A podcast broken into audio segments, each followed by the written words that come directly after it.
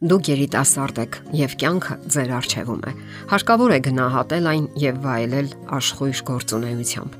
Սակայն հնարավոր է դուք խառնվածքով ինտրովերտ եք եւ ժամանակակից աշխարհում դժվար է ձեզ համար։ Իսկ ինչ է նշանակում ինտրովերտ։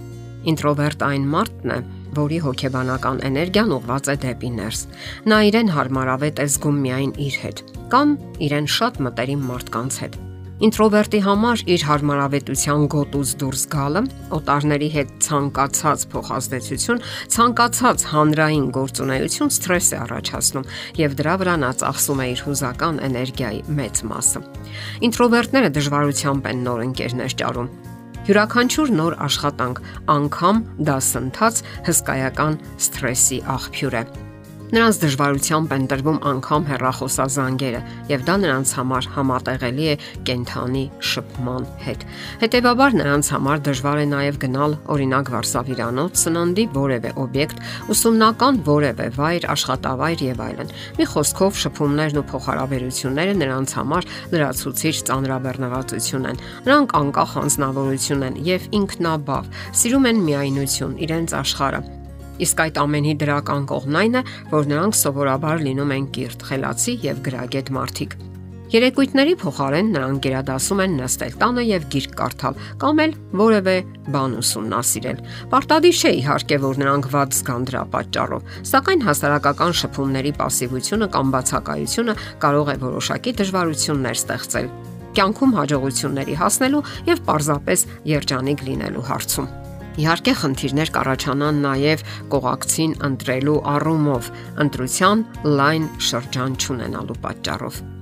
Ինչպես վարվել նման դեպքերում։ Հարկավոր է նախ իմանալ, որ ժամանակակից աշխարհն այսօր մոլեգին մրցավազքի մեջ է եւ մարդկային հոգեբանական ապաշարները շատ արագ են հյուծվում կամ սպառվում։ Իմանալով այս ամենի մասին, դուք ավելի պատրաստված կմտնեք կյանք եւ ունենալով համապատասխան գիտելիքներ ձեր խառնվածքի մասին, կարող եք իսկապես վայելել կյանքը եւ բավականություն զգալ, երջանիկ լինել եւ միշտ վերելքների մեջ Ջեն Գրաննեմանը ինտրովերտների վերաբերյալ գիրք ունի։ Նա ստեղծել է խոշոր համացանցային community կամ համայնք ինտրովերտների եւ բարձր զգայունություն ունեցող մարդկանց համար։ Ահա թե ինչ է նա խոստովանում։ Լինելով ինտրովերտ, ես հաճախ լուրջ անհարմարություն էի զգում եւ ցանկանում էի նման լինել իմ էքստրովերտ ընկերներին։ Պատճառն այն է, որ նրանք ոչ մի հիմնախնդիր չունեին անծանոթ մարդկանց հետ զրույցներ վարելու հարցում, չէին հոգնում զրույցներից եւ կյանքից ընդհանրապես, այնպես ինչպես ես։ Եվ այնուամենայնիվ հարկավոր է շեշտել, որ ինտրովերսիան հիվանդություն չէ, այլ առանձնահատկություն, որին այնքան էլ դժվար չէ հարմարվել։ Գրաննեմանը ընդգծում է. Վերջին հաշվով ինտրովերսիան արդեն ծննդյան օրվանից դրված է մեր ԴՆԹ-ի մեջ եւ մեր ուղեղը մի քիչ այլ ձևով է աշխատում, քան էքստրավերտների մոտը։ Մեր բանականությունը շատ խոր է մշակում տպավորությունները Մենք ավելի ընկալ ենք լավ զգացողության հորմոնի դոֆամինի, նեյրոտրանսմիտերների հանդեպ եւ այնպիսի լիցքավորում չենք ստանում շփումներից, ինչպես էքստրավերտները։ Ահա թե ինչու իրենց երջանիկ զգալու համար ինտրովերտներին անհրաժեշտ են մի փոքր այլ հանգամանքներ, քան էքստրավերտներին։ Խոսենք դրանց մասին ընդմիջում կամ այսպես ասած time out տպավորությունները մշակելու համար։ Ինտրովերտները առանձնահատուկ ընկալ են ցանկացած իրավիճակի հանդեպ, որտեղ շատ մարդիկ կան։ Լինի դա գրասենյակային լարված աշխատանք, գնումներ առևտրի կենտրոնում կամ երևույթ։ Այդ բոլորն ընդունակ են արագ սպառելու նրա հուզական մարտկոցը եւ վերականգնվելու համար հարկավոր է ընդմիջում։ Ահա թե ինչու կարևոր է ժամանակ տալ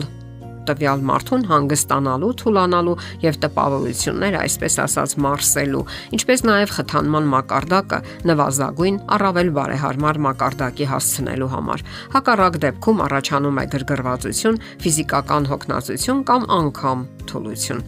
Կարևոր զրույց Իրենց մեջ խորասուզված լրակյացները այսպիսի հարց են տալիս. Ինչպես անցան հանգստյան օրերը, ինչ նորություններ կան, հավանեցիք ճաշատեսակները։ Նրանք կարողանում են հիանալի կերպով աշխարհիկ զրույցներ վարել, սակայն դա չի նշանակում, որ նրանք սիրում են այդպիսի ձևաչափով շփումները։ Բազմաթիվ այլ կարևոր եւ հետաքրքիր հարցեր կան, որոնք նման մարդիկ հաճույքով կքննարկեին։ Օրինակ, Ինչ նոր բաներ եք իմացել վերջին ժամանակներում։ Ինչով է տարբերվում ձեր այսօրվա օրը երեկվա օրից։ Դուք հավատում եք Աստծուն։ Նրանք ավելի մեծ բավականությամբ կզրուցեն հոգեբանական, հոգևոր հարցերի վերաբերյալ, սակայն պարտադիր չէ նաև, որ յուրաքանչյուր զրույց լինի խոր եւ նշանակալի։ Երբեմն པարզ ու թեթև զրույցներն են նրանց դուր գալիս։